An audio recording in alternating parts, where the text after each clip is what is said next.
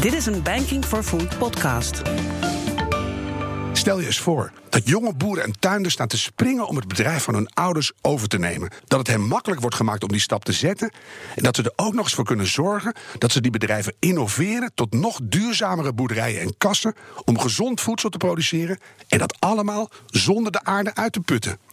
Dag, ik ben Harm Edens. Mooi dat je luistert naar deze podcast. Ik ga praten met Ruud Huurne, directeur Food en Agri Nederland van Rabobank. Die zelf ooit in het boerenbedrijf van zijn ouders kon stappen, maar toch koos voor een andere carrière percentage stoppers in de grond gebonden landbouw, dus melkvee, akkerbouw, is ongeveer 2, 3 procent per jaar. Ja, 30, 40 jaar terug hadden we nog honderdduizenden boeren. En in de intensieve veehouderijen is het ongeveer 4, 5 procent per jaar. Dit is een, eh, een mondiaal probleem dat uh, bij verreweg de meeste boeren zorg is over die bedrijfsovername. Dus ook emotioneel om te zeggen, uh, de jonge generatie erin en ik langs eruit. Tegelijkertijd moest een jonge boer of bedrijfsopvolger ook het bedrijf doorontwikkelen. Nou, vaak is het verouderd, het is niet meer bij de tijd, moet geïnnoveerd worden. Nou, dan moet het hele financiële plaatje wel rond te rekenen zijn. En, nou, en dat is ook een hele belasting voor zo'n opvolger. De drive, maar ook de steun van de familie. Zijn vrouw staat hier erachter. Zat zijn werkende ouders nog een tijdje mee op zo'n bedrijf. Ja. ja, dat maakt veel uit. Ja, dan komt het gewoon goed. Dus het is gelukkig nog de mens die het verschil maakt. Welkom. Waarom, uh, waarom wilde je niet? Nou, ik moet het even nuanceren. Uh, bedrijfsopvolging was bij ons thuis niet echt lekker bespreekbaar. Uh, ik was de oudste van de vier kinderen. Uh, eigenlijk wel een beetje voorbestemd om het bedrijf over te nemen, moet ik eerlijk zeggen. Maar ik kon goed meekomen op school, ging naar Wageningen studeren. En toen dachten mijn ouders, dat zal die wel niet meer willen. Dus ik kwam een gegeven moment thuis. En toen kwam het hoge woord eruit. Dat ze besloten hadden dat mijn broertje het ging overnemen. Dus het is niet zo dat ik bewust niet gewild heb, maar ik ben wel een beetje gepasseerd. Ik Gelukkig is het bij mij wel goed gekomen. Ja, ja. ja, Het is wel goed gekomen met mij verder, maar het is dus net een beetje andersom. En, en dat is een, een typische situatie die je veel, veel vaker aantreft bij ja, dit toch wel uh, vaak emotioneel uh, lastig onderwerp. Ja, want dat, dat kleeft er meteen aan. Is, is het ook des boerens om daar niet al te open over te communiceren? Nou, dat denk ik ja en nee. Het speelt bij heel veel familiebedrijven, bedrijfsopvolging, hè, wat ouders of grootouders hebben opgezet, geeft toch een, altijd een speciale lading. Mm -hmm. ook bij boerenbedrijven, wat bijna allemaal familiebedrijven zijn. Ja, en dat ja, hangt het heel erg vanaf of dat bespreekbaar is. Of kinderen ook hun wensen uiten. Of ze het inderdaad willen. Zoals u ook de, de aankondiging hiervan deed. Ja, die perfecte wereld bestaat niet. Hè? Of, of, dat men dat ook maar in midden laat. Dat niemand het eigenlijk een beetje weet en maar vooruitschuift. Ja. En het is dus niet een, een, wekker die afgaat en nu moet je iets weten. Je kunt dus jaar in jaar uit dat opschuiven. Ja, en dat is eigenlijk. Uh, en je ziet ook andere kant. Uh, bedrijven die het wel bespreekbaar maken. Of dat uh, samen met anderen doen. Er zijn ook bijvoorbeeld bedrijven, coaches die dat gewoon, uh, die daar gewoon goed over door kunnen praten, de mm -hmm. communicatie opstarten. Ja, dat zie je wel. Maar ook op boerenbedrijven is dat wel toch wel een lastig issue. Laten we even teruggaan naar jouw situatie. Hoe lang geleden speelde dit? Jaren 90, 1990. En waar was de boerderij van je ouders? Die lag op de grens van Achterhoek en Twente. Mooi. Een, ja, mooi gebied. Ja. Ja. Dat was ook zeker een uh, levensvatbaar bedrijf. Het was uh, oorspronkelijk een gemengd bedrijf, later gespecialiseerd in varkens. Ja, en ook de, destijds zag dat heel goed en, uit. En mijn ouders die wilden dus dat kennelijk toch overdragen naar de volgende generatie. Ik zie nog je ogen een beetje schuin gaan staan. Het zit ja. toch bij jou ook wel emotie aan. Ja, zeker. Ja, Want wou je broer eigenlijk wel of kreeg hij die boerderij een beetje opgedrongen? Nou, dat is ook een, een, volgende kenmerk van hoe gaat zoiets dat dan? Hè? Uh, uh, wij hebben de ervaring als Rabobank heel sterk dat als je dat uit een positieve keuze, uit kracht kiest, ja, dan heb je elke al zoveel gewonnen. Hè? Dat je een positieve keuze, maar ik wil dit, ik ga het bedrijf veranderen. Mm -hmm. ik, uh, ik heb daar visie op, ik heb ook weet waar ik aan begin. Hè? Eigenlijk begint zo'n jonge boer weer aan een soort marathon te lopen. Hè? Van de, ja, de komende 40 jaar ga je dit doen. Je moet nog even netjes afscheid nemen van de ouders. Of gaat het met broers doen. Ja. Um, uh, uh, nou, was bij, ons was er ook wel het geval dat het, ja, dat het niet zo goed bespreekbaar was. En dat het ja, een gegeven moment ja, de, is in die families ook wel dat de druk wordt opgelegd. Dat ouders toch graag zien dat er een opvolger is. Mm -hmm. ja, of mijn broer echt dat tegen zijn wil heeft gedaan. Maar hij heeft niet uit helemaal volle kracht gedaan. En het blijkt ook dan later, een jaar of tien later, is dat toch niet wat iedereen ervan verwacht. En toen is het helemaal verkocht en nu is gewoon het hele bedrijf helemaal intact. En in andere handen is gewoon naar andere eigenaren gaan. Kan je er nog langs rijden of eh, krijg je ja, dan tranen in je gewoon gezicht? nog. Ja, ja, ik kan nog gewoon. Mijn ouders wonen ook nog daarnaast in de bedrijfswoning. Eh, dus eh, ja, om, de, om zoveel tijd zie je dat. Maar het is nu in de geheel verkocht. En mijn broer, die dus kennelijk toch niet vanuit 100% kracht Ja. dat gedaan. En dan na tien jaar, dan begint het toch een beetje tegen te vallen. En dit tegen dat is zwaarder. Ja, dan kun je niet de energie opbrengen om zo'n bedrijf tot een succes te maken. Het moet echt helemaal uit je hart komen, anders dan lukt het niet. ja. Dus daar stond de jonge Ruud, bedrijfseconoom ondertussen geworden. Ja. En wat moest je? Ja, nou ja, goed. Ik eh, ben, ben in het Wageningse zo gebleven. Ik word onderzoek gedaan. Eh, en nu ben ik, heb ik deze mooie baan die ik nu heb. Dus, ja, eh, op- Rabobank. Rabobank. Kan dat toch ook door jouw achtergrond dat je nu bezig bent met die opvolgingsproblematiek? Ehm, eh, voor een deel wel, want eh, je, je hebt die ervaringen. Van een ander deel speelt het op zoveel bedrijven, bij zoveel klanten van ons. We hebben grofweg 50.000 klanten in eh Food en Agri. Hè, en vooral land en tuinbouw, allemaal familiebedrijven. Bij de helft speelt de opvolging. Hè, ongeveer 25.000 bedrijven op dit moment. Hè, dus dan hebben we een opvolg wel of niet. En dan ziet er eigenlijk naar uit, hè, als we zo'n beetje inschatten... dat ongeveer 10.000 ervan uiteindelijk wel een opvolger gaan krijgen. En eh 15.000 niet. En dan heb ik het even over bedrijven met een bedrijfshoofd die 55 jaar of ouder is. Ja, een beetje, een beetje wij zo Ja, hier. Ja. ja. Nee, want de harde cijfers in 2016 waren er 55.000 landbouwbedrijven. En bij meer dan een kwart speelt die problematiek. Dus dan heb je als bank een enorm probleem aan je broek hangen. Ja, nou, of, eh, wij kunnen daarbij ook onze, eh, die- keuzes en die processen die toch genomen moeten worden, gewoon, eh, gewoon eh, verder ondersteunen. Ja. Kijk, wij zien in ons bank dat wij elke op drie, drie fronten actief kunnen zijn. Dat is financiële oplossingen. Dus neem je een besluit, kun je het dan financieel mogelijk maken? Hoe en onder welke voorwaarden? Eh, kennis. Nou, hier is ook vaak van, van- sprake van kennis, kunnen met kennis ondersteunen. Wat zijn dan goede businessmodellen? Hoe kun je een bedrijf doorontwikkelen? Hoe ga je met maatschappelijke acceptatie om van bepaalde zaken? En netwerken. Als boeren zeggen, jonge boeren zeggen, joh, eh, breng me eens in verband, een verbinding met andere jonge boeren die in dezelfde situatie zitten. En daar hebben we ook allerlei clubs, studieclubs voor. Ja. Van bedrijven die wel en geen opvolger hebben, om gewoon met elkaar eens erover te hebben. Daar wil ik zoveel meer van weten. Eerst toch even naar de, naar de bron van het probleem. Hè. Je noemde al een paar dingen. Dingen niet hardop zeggen tegen elkaar. Hangt veel emotie aan. Ook financieel is het een enorme constructie. Maar je denkt als boer op leeftijd... je ziet het probleem jarenlang aankomen. Hoe komt het dat dat niet beter opgelost wordt?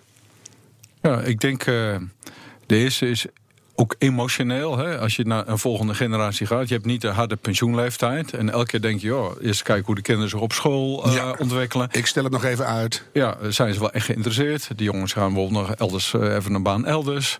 En dat is niet een harde tijd dat je zegt... en nu moeten we ongeveer weten wat je wil. En, nou, en ze hebben het hele bedrijf opgebouwd en weer een stap en weer een stap. Nou, men voelt zich ook helemaal als familiebedrijf eigenaar ervan. Eh, je hebt de hele familie werkt, de kinderen werken mee... om die stap dan te zetten. Mhm. Ja, dat is ook emotioneel om te zeggen... eh, de jonge generatie erin en ik langsman eruit. Nou, dan is je tijd geweest ook. En dat, dat zie je Ja. dan ineens heel duidelijk. hè? Dus dat is een emotionele stap. En daarnaast, Heeft het ook te maken ja? met, met de onzekerheid van de hele markt? Want de wetten Ja. veranderen Ja, steeds. Is er nog wel een boterham in te verdienen? Waar zadel ik mijn kind Ja. mee op? Dus kop in het zand. En Ja. het zal onze tijd wel duren. Ja. Ja, ja dat, is zeker. Dat is het tweede punt. Hè. Naast het emotionele, wil ik stoppen en welke opties zijn er? Of wil ik ermee doorgaan als je bedrijf? Tweede is, is het ook financieel haalbaar? Met de onzekere die zijn. Zeker als je zegt, nou ja, eh, hoe, hoe wordt er aan gestopt? Zijn er ook meerdere kinderen in het spel die zeggen, ja, ik eis mijn eh, erfdeel op TZT. Hè. Als je met vier kinderen bent, een bedrijf, en, zeggen, en, en de kinderen willen niet meewerken om een van hun te laten doorstaan. Die zeggen, ja, ik wil uitgekocht worden. Is misschien nu al een goede tip aan alle toekomstige boeren. Neem niet te veel kinderen. Ja, ja, dat, dan is het, eh, ja. Maar de kans op een opvolger is dan ook wel kleiner. Ja, hè? Dus- dan heb je dat weer. maar in principe eh, zie je ook eh, sommige families die zeggen... nou ja, wij gunnen het de oudste of de jongste die het dan krijgt. Wij vinden het zelf ook belangrijk. Nou, anderen zitten veel zakelijker in en zeggen... nou, ik eis mijn deel op. Nou, en dan wordt dus dat geld eruit gehaald. Moet bijgefinancierd worden. Tegelijkertijd moet zo'n jonge boer of een bedrijfsopvolger... ook het bedrijf doorontwikkelen. Nou, vaak is het verouderd, is het niet meer bij de tijd... moet geïnnoveerd worden. Nou, dan moet het hele financiële plaatje wel rond te rekenen zijn. En, nou, en dat is ook een hele belasting voor zo'n opvolger. Ik zeg wel, je begint aan de marathon, mm 40 jaar. En hoeveel zit er al in je rugzakje op dag 1? Hè? Als die al te zwaar is en je hebt een paar tegenslagen, ja, wordt het lastig. Het is heel wat anders dan, wil, jij mijn leuke bedrijf overnemen, zoonlief of dochterlief? Ja, dat, ja. dat komt ook wel eens voor. Maar het is ook wel zo dat dan met de drive, de kracht van, van zo'n van zo'n opvolger, dat dat veel van afhangt. Gaat hij ervoor en is hij bereid pijn te lijden? Ja, dan lukt het vaak wel. Dan zegt iemand, joh, de gras is daar toch groener. En wat heeft de buurman alweer een nieuwe auto? Dat wil ik ook. Ja, dat, dat je meer privé onttrekt hebt, dat wordt lastig. Dus de drive, maar ook de steun van de familie. Zijn vrouw staat hier erachter. Zat zijn werkende ouders nog een tijdje mee op zo'n bedrijf. Ja. ja. dat maakt veel uit. Laten we even luisteren naar Frans van Leiden van de Has Hogeschool. Waar jonge boeren worden opgeleid. Nou, er zijn nog wel boeren te vinden, maar uh, het, het, zijn niet meer van die kleine bedrijven zoals we in de afgelopen decennia gewend waren te zien. Wat je ziet is dat uh, bedrijven steeds groter worden, daardoor ook uh, beter de, de ontwikkelingen in de sector eraan kunnen. En ja, dan lijkt het onderaan de streep alsof er steeds minder boeren zijn.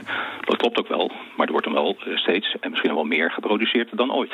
Ja, steeds minder boeren, dus ook die opvolging lukt lang niet altijd. Is dat een trend die jij ook ziet, Ruud? Dat er steeds grotere boerderijen komen... en dat het kleine knusse boerderijtje van jullie thuis in de Achterhoek... waar boer Schuilings en 30 melkkoeien staat te vertroetelen... die, die verdwijnen langzaam? Ja. Wat je al sinds de Tweede Wereldoorlog al ziet, is dat... Uh, uh, percentage stoppers, om het te zeggen, in de grondgebonden landbouw, dus melkvee, akkerbouw, waar dus echt grond bij is, is ongeveer 2, 3 procent per jaar. Mhm. Dat is ook al een trend sinds de Tweede Wereldoorlog. Dus elk jaar stopt 2, 3 procent. Dus een ja, 30, 40 jaar terug hadden we nog echt uh, uh, honderdduizenden boeren, om zo maar te zeggen. En in de intensieve veehouderij, waar je niet zoveel met grond uh, zit, is het ongeveer 4, 5 procent per jaar. Dus varkenshouders, pluimverhouders, tuinbouwkassen. En dat is al een proceslijn gaande. En doorgaans of wordt opgevolgd, of wordt door de buurman overgenomen. Dus het klopt dat de totale productiecapaciteit eerder misschien gegroeid is dan gekrompen. Ook al omdat die opvolgers een moderne bedrijf neerzetten, efficiënte bedrijf, uh, daar dingen aan veranderen. En zo gaat het elf generatie na generatie over, dat die bedrijven gewoon groeien. En is er een nadeel aan als een zoon of een dochter de ouders niet opvolgt? Je zou kunnen denken, er gaat hele specifieke kennis verloren. Of, of moeten we daar eigenlijk helemaal niet dramatisch over doen? Nou, vanuit het uh, familiebedrijf zelf gezien, die heeft dus een wens dat over te nemen. Nou, daar kan me voorstellen dat een familie die al vijf generaties daar boert en zo, ja, dat, dat, dat, dat men dat belangrijk vindt. Mm Omgekeerd zie je ook nieuwe modellen ontstaan. Dat bedrijven bijvoorbeeld als ze geen goede opvolger hebben, hè, want bedoel, dat kan wel, maar dat, er komt steeds meer bij kijken.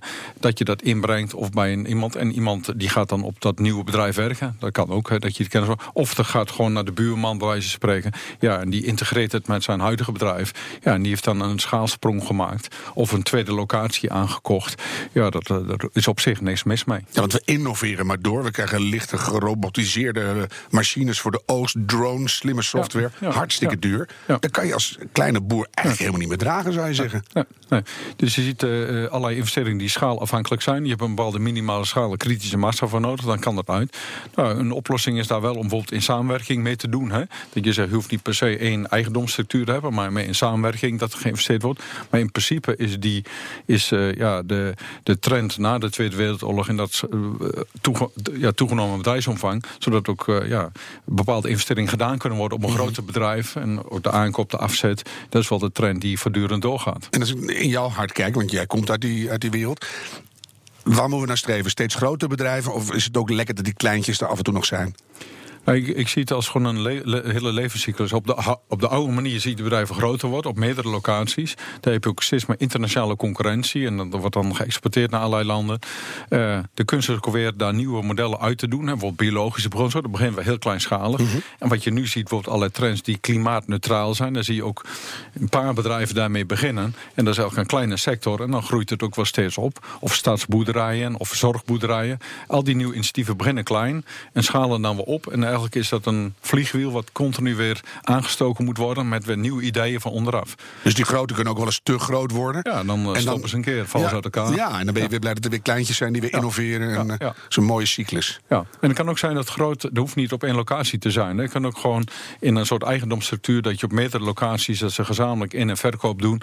Maar dat je boerderijen gewoon er normaal uitzien. Dus groot betekent niet alleen maar één heel lange en hele hoge schuur. Maar dat kan ook gewoon op. En soms ook in het buitenland. Dat men zegt, nou, we hebben een soort soort, uh, soort basisbedrijf in Nederland. En dan echt een productielocatie in de oosten van Duitsland. In of Polen. Of Polen, ja. En daar hebben we het nu automatisch over het buitenland. Is dit ook een probleem wat daar speelt, die opvolging? Ja. Eh, bijvoorbeeld in Brazilië of de Verenigde Staten, hoe zit het daar? Ja, dat is een, dat is een, een mondiaal probleem dat uh, bij verreweg de meeste boeren zorg is over die bedrijfsovername. En dat net zoals bij ons. De details zijn natuurlijk in Brazilië, Australië allemaal anders. Maar overal is de zorg van. Uh, zijn er kinderen die het over willen nemen, het familiebedrijf? Uh, is het ook verstandig dat dat dan gebeurt? Is er voldoende toekomstperspectief?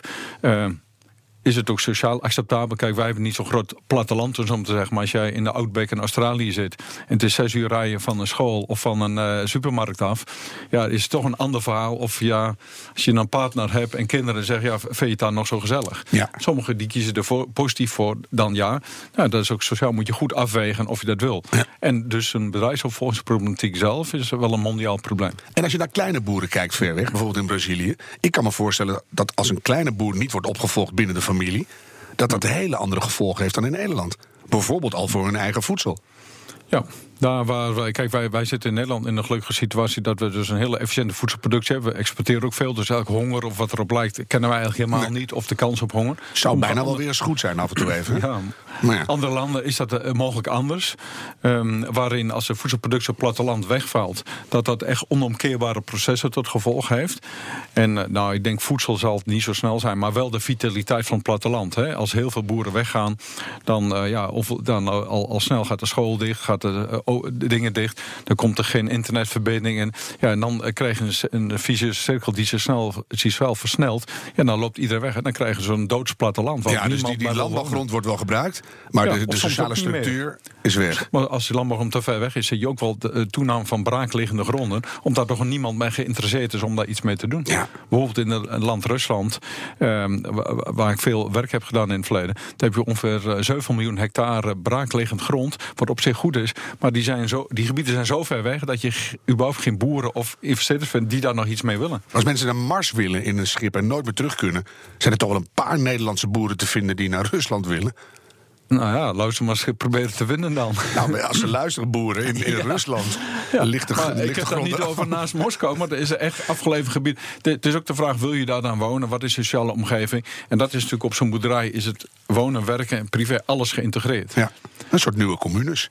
Ja. Wie weet. Hoe lang is Rabo al met deze specifieke problematiek bezig? Want het is iets wat er altijd al geweest is. Maar ineens dachten jullie: hé, hey, we moeten ons daarmee bezighouden. Hebben jullie nieuwe radicale inzichten? Hoe werkt het? Nee, het is eigenlijk wel de hele tijd, uh, zal maar zeggen, sinds de Tweede Wereldoorlog dat dit speelde. Want het is ook niet in een stroomversnelling gekomen. Dit is altijd al gaande. Wij voelen wel ons steeds meer verantwoordelijk om onze klanten te helpen. En dat betekent ook dat wij programma's gaan ontwikkelen, zowel voor opvolgers, met spiegelgesprekken, met die emotionele dingen, met een stuk communicatie erin, met goede afspraken maken, ook voor de ouders, hoe en wat, met de doorstart, met de financiële haalbaarheid. Maar ook voor de stoppers, dat je zegt, nou, heel waarschijnlijk stop ik met het bedrijf en is er geen opvolger, wat nu? Precies hetzelfde. En hoe ga je dan door met je leven? Als het bedrijf wegvalt, die ouders moeten natuurlijk ergens inkomen vandaan halen. Maak je een financiële planning. En, en uh, laten jullie daarin toe? Want die boeren zijn toch ook een beetje van uh, achter de voordeur. Uh, hoeven ja. wie geen bank te hebben die zich ermee bemoeit. Ja, Vond je het geen goed regionaal dialect? dat was heel, heel goed verstaanbaar. nee, dat, dat, dat kan. Tot zeker hoogte hebben we daar een rol in. En we snappen dus ook heel goed de bepaalde aspecten men dat niet graag aan de bank direct vertelt. Dus wij werken ook met externe partijen, met geheimhouding om bijvoorbeeld zo'n spiegelgesprek te hebben, waar dus of met de assessment te werken. Hè, een jonge bedrijfsvervolg kan zeggen: Ik ben ook een beetje onzeker van mezelf. Kan ik niet via de, has, uh, de bos of via is een assessment, hoe waar liggen mijn sterke en zwakke plekken? Mm Waar moet ik nog harder aan doen? Wat zijn mijn pitfalls? Als ik in een samenwerking ga zitten, welke partners moet ik dan zoeken? Hè? Dat is een beetje ja, wat bij normale banen ook wel vaker gebeurt: een assessment uh, doorontwikkelen. En dat soort dingen, uh, ja, die, die, die blijven dan ook helemaal vertrouwelijk en privé. En dan, kan die, dan moet je echt doen om zelf de grenzen te vinden. En ook met coaches erbij. Ja. En uiteindelijk horen wij of het wordt doorgezet. En ons belang is dat mensen een positieve keuze of een bewuste keuze maken, wat of niet. En hoe dat proces is, dat kan ook prima met anderen. Bijvoorbeeld ook met de accountant, de boekhouder, die alles nog eens financieel doorrekent. Dat je niet te optimistisch voorstelt. Nou, alles moet dan toch samenkomen in, ja, ga ik het doen? Is het financieel verantwoord? En uh, kun je het ook netjes met iedereen communiceren, zodat goed, goed besloten kan worden. Mhm. En praat je dan ook met die individuele jonge boeren? Dat jij eens gewoon ze diep aankijkt van... God, zit je hart er nou in of niet? Ja, uiteindelijk wel. Want wij vinden ook, eh, als er een plan komt voor doorstart of opvolgen... dan vinden we dat ook die, die jonge boer dat plan moet kunnen verdedigen. Dus ze zeggen, nou oké, we hebben dat hele proces achter de rug. Je hebt allerlei dingen gedaan. Wat is nu je idee? Welke afspraken zijn er gemaakt? Uh, verdedig, ja, geef eens inzicht in, je, in de financiële haalbaarheid ervan. Je wilt het overnemen. Hoe gaat het dan? Je moet daarna het bedrijf nog verder ontwikkelen. Welke ideeën heb je erbij? Uh, nou, en dan, nou, dan zie je wel of iemand erachter staat. Die, heb je een enthousiast verhaal. Of, of wij spreken een ander uit als iemand die zegt... ja, dat weet ik allemaal niet, vraag maar mijn boekhouder. Ja, ja nou, dan, dan wordt het een moeilijker verhaal. Dan wordt het lastig. Ja. Maar dan die, die, echte uiteindelijke overname. Er komt altijd, hoe je het ook went of keert, of het nou in de familie blijft of je doet het aan derde. Er komt heel veel geld bij te pas. En er is geen ontkomen aan. En dat lijkt me voor jullie lastig, want die markt verandert steeds. Kijk je bijvoorbeeld naar de melkveehouders van een tijdje terug. Meer, meer, meer. En toen ineens weer, oh nee, toch maar minder, minder, minder. Hoe maken jullie als bank je risicoafweging? Ja, kijk, wij hebben een visie op de toekomst. En dat is niet nieuw. Hè? Meer, we kennen ook de varkenscyclus, die ook al uh, na de Tweede Wereldoorlog is ontstaan. Hè? Ja. Wat heb ik daar toch mee? Maar goed, je ziet, uh, om aan te geven dat het niet echt nieuw is. Wat je wel ziet, dus je, je hebt veel meer uh, pieken en prijzen. Hogere pieken en lagere dalen. Nou, daar hou je rekening mee. Dus wij gaan zo'n plan ook toetsen op, uh, ja, is, is dat reëel? Wat doe je nu als je nu begint met twee slechte jaren? Uh, maar prognoses brengen prognoses jullie in? En we hebben ook die ervaring van heel veel bedrijven. En de belangrijkste ervaring, nogmaals, is een positieve keuze en de kracht van uw ondernemer, mens. Als mhm. die ervoor gaat en, en en, en, die kan de tering naar de nering zetten. En die wil dat ook als het even slecht gaat. Ja, dan komt het gewoon goed. Dus het is gelukkig nog de mens die het verschil maakt. Ja, en sinds de Tweede Wereldoorlog doen jullie dit. Ja. Heb je het gevoel dat jullie er beter in worden? Dat je steeds dichter op die boeren zit en dat jullie daar een bepalende factor in zijn? Um, ik denk dat het stabiel is. Misschien zijn we in het verleden iets een te bepalende factor geweest. Dat we bewust ook even op de achterbank soms gaan. Mhm. Want dan zeggen nou, als de bank het goed vindt, dan doe het maar. Hè. Dat vind ik geen goed argument. Uh, ik vind, nogmaals, die ondernemer moet het doen. Die moet zijn plan doen. Ik vind het ook heel belangrijk dat hij een soort second opinion ophaalt... bij, bij de accountant, van is het echt haalbaar? En uiteindelijk zeggen we, ja, u bent de ondernemer. Wij gaan ervoor. Wij maken ook financieel, maken we dat rond. Uh, maar u zit achter stuur en stuurt. En wij zitten op de achterbank. En we zitten wel bij, bij elkaar in de auto. Want als u verongelukt, dan hebben wij ook een probleem. Auto vind ik nou jammer. Ik dacht meer op de trekker. Oh, op de trekker, dat kan ook. We zitten op, de, op een spatbord van de trekker. En we kunnen af en toe op de schouder tikken van let op. Maar we, willen ook heel duidelijk maken dat het de ondernemer onderneemt. Ja, de overheid kan ook een rol pakken. Dat doen ze ook. En het regeerakkoord is bijvoorbeeld ook een uh, hoeveelheid geld gereserveerd voor bedrijfsovername jonge boeren. Uh, nou, wij vinden dat het ook heel goed aangewend moet worden. Niet zozeer om uh, subsidies of cadeautjes of korting te geven voor mensen. Want na verloop van tijd vervalt die korting en dan moet je het alsnog doen. Maar veel eerder om te investeren in um, ondernemerschap. Bijvoorbeeld die assessments. Uh, beter onderbouwen van bedrijfsplannen. Uh, dat soort zaken. Zodat mensen gewoon beter te, te, uh, ten ijs komen mm -hmm. als ze aan de, aan de race beginnen. Goede dag is enzovoort. En neemt die overheidsbemoeienis, laat ik het zo maar noemen, toe? Of zou je uiteindelijk moeten zeggen, dat moet de markt zelf aankunnen met een goede bank zoals jullie? Dan hebben we die overheid eigenlijk niet nodig. Nou, ik vind het wel goed dat ze dat doen. Want de overheid heeft ook een belang voor de vitaliteit platteland. En als ze zeggen, nou, wij, eh, wij gaan niet de eh, via subsidies helpen... maar meer investeren in ondernemerschap, studieclubs mogelijk... maar leren van elkaar, uh, mogelijkheden creëren... bijvoorbeeld ook in het buitenland te ondernemen. Hè. Bijvoorbeeld heb je toegang. Uh, je zei al, ja, in je eentje in Rusland gaan zitten is misschien lastig... maar met z'n tien is misschien wel gezellig dat je dat poelt. Zie je, het begint toch bij jou in je hoofd ook groter te groeien. Ja, ja, ja. En misschien Rusland of, of andere landen. Zo zijn ook bijvoorbeeld groepjes boeren ooit naar Brazilië, Australië gegaan. Nou, als men zegt in Nederland is het toch lastig met maatschappelijke acceptatie bepaalde mhm. dingen. Nou, die andere landen wel. Nou, daar kan de overheid ook een bevorderende rol hebben. Ook in educatie van de boeren. Zorgen voor goede opleidingen, eh, opleidingen aan de has in Den Bosch. Ja. Zeg, joh, als die lui er vanaf komen, dat ze ook echt wat kunnen. Heel verstandig. Sowieso goed bij een opleiding. Als je hem doet, dat je dan wat kunt. Ja, ja, maar goed, dat die kwaliteit op orde is. Dat ze stageplekken hebben. Dat zij buitenlandervaring mogelijk hebben. Ja, dat zijn dingen die geld kosten. Ik zou het geld daar eerder insteken dan in veel andere. Ja. Nou vergrijzen we in rap tempo. Het gaat maar door. En de lokale voedselproductie wordt eigenlijk ook steeds belangrijker. Korte lijnen.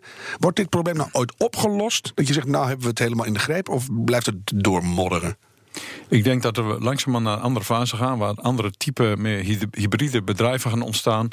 Uh, daar zie je nu ook al in een aantal sectoren dat bijvoorbeeld boeren, uh, even los of ze, een, of ze een uh, opvolger hebben, hun bedrijf bijvoorbeeld inbrengen in een groter geheel en daar een soort aandelen voor terugkrijgen. En dan zeggen, nou ja, in dat grotere geheel, nou dat is dan stabieler, het heeft meer kritische massa. Je kunt ook bijvoorbeeld dan een externe mensen gaan aannemen, bijvoorbeeld als financiële, financiële man, die zegt, nou dat is de boekhouding, regelgeving heel van belang. Dat kan uit op een groter bedrijf, niet op een kleiner bedrijf. Je kunt mensen hebben die woord aandelen hebben van de familie nog maar niet actief zijn op een bedrijf. En dus het geeft veel meer flexibiliteit aan dat soort modellen. In de akkerbouw bijvoorbeeld. Uh, Novifarm was, uh, is een voorbeeld, was ondernemer van het jaar vorig jaar. Ja. Een aantal akkerbouwers die samenwerken, poelen. En, en mensen gaan dan in zo'n bedrijf doen wat ze ook goed in zijn. Uh, je ziet dat ook op andere plekken ontstaan. Dus over 10, 20 jaar verwacht ik wel dat er veel meer van die hybride structuren zijn. Maar ook aan de onderkant weer nieuwe innovatieve bedrijfjes, familiebedrijfjes die op een zolderkamer begonnen zijn met, met, met een nieuw product. een volkstuintje, maar volkstuintje, dat kan ook. Uh, uh, en dat zo weer doorgroeit, dat denk ik wel, ja. Ook leuker toch? Want je zegt het net al, dan kan je gewoon doen waar je goed in bent. Ja. En die stress en die pijn, die kan er dan wat af. Ja, want de een die, die krijgt stress van de boekhouding, de andere krijgt stress als hij spullen moet verkopen, en de derde krijgt stress als hij met de genetica van een bedrijf aan de slag moet. Nou, en als je dan drie lui hebt die dat allemaal positief vullen, ja, dan, dan, vliegt het. En de vierde krijgt stress als Yvonne Jaspers te vaak langskomt. Ja, maar dat is weer een heel ander probleem. Ruud, dank voor je komst. Ben je nog vaak op de boerderij bij je ouders? Dat je even over de schutting kijkt van daar was het? Eh, ja, wel over de schutting kijken, omdat ze daar nog uh, daarnaast wonen. Ja. Dus uh, ja, om, de, om de zoveel weken. Maar in de stallen zelf, ja, dat is ook niet verstandig als je varkens hebt. Nee. Dus ik kijk van, het gaat goed op het bedrijf wat ik hoor. En dat geeft mij veel plezier. En kijk je dan, ja, dus met plezier, maar ja, niet zo van stiekem slik, had ik het toch maar gedaan? ik, ik, heb dat, ik, heb dat, ik ben daar overheen gegroeid. Je hebt eigenlijk maar nog steeds, achteraf had ik het nog wel graag gewild. En als ik ooit nog de kans krijg, dan kijk ik niet weg. Zie je, want ik dacht stiekem, je hebt een hekel aan strontlucht, maar dat is het niet. Nee, nee, nee, dat heb ik niet. Nee. Dankjewel. En dank voor het luisteren. Als je meer wil lezen over de opvolgingsproblematiek bij boeren en hoe we die kunnen oplossen, ga je naar rabobank.com. Daar vind je ook de andere afleveringen in deze serie podcasts Banking for Food. Op naar een betere wereld. Stel je toch eens voor.